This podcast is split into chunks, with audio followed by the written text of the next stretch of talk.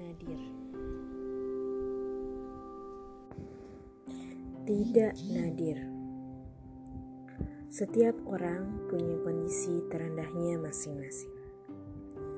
Setiap kita punya titik nadir, yaitu sebuah titik di mana waktu seakan membeku karena kita sedang berada pada tempat terendah dalam hidup sedang berada pada letak terburuk Titik nadir itu biasa datang dari berbagai sudut dengan alasan yang bermacam-macam pula. Entah karena kenakalan diri sendiri, karena tidak mau menurut kata orang tua dan Tuhan. Entah dari orang-orang yang paling dikasihi, entah karena situasi saja, titik nadir, titik jenuh, titik kulminasi itu ada dan nyata. Mungkin rasanya seperti tidak mengetahui ke tempat mana kamu bisa pulang.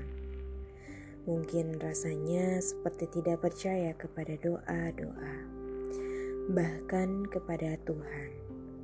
Mungkin rasanya seperti kamu ingin menonjok siapa pun yang kamu temui saat bercermin atau ingin menghilang ke dasar bumi.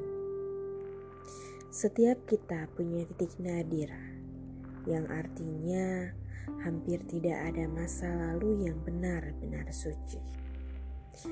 Jika saja kita sama-sama pernah sampai ke titik nadir itu, arti lainnya boleh saja hari ini kita tertawa, tetapi besok kita kehabisan air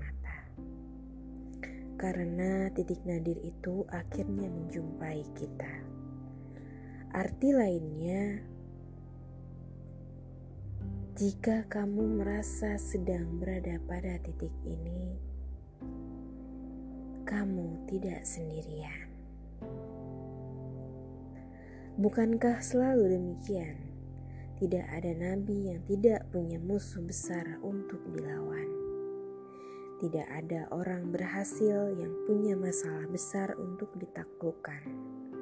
Tidak ada sarjana yang tidak menyelesaikan sekolah dasar. Jika saja kita belajar, kita akan mengerti bahwa ujian bukan cobaan. Ujian adalah mekanisme Tuhan supaya kita sedikit lebih tangguh sedikit lebih tahu diri, dan sedikit lebih dekat kepadanya. Mungkin titik nadir ada karena kita terlalu jauh, terlalu angkuh.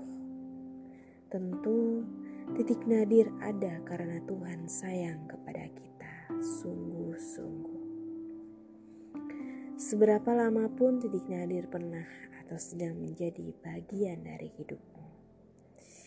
Janganlah bersedih, berubahlah selagi masih ada waktu. Tidak ada nasib kaum yang berubah kecuali dia sendiri yang berupaya mengubahnya. Percayalah, masa depan selalu suci.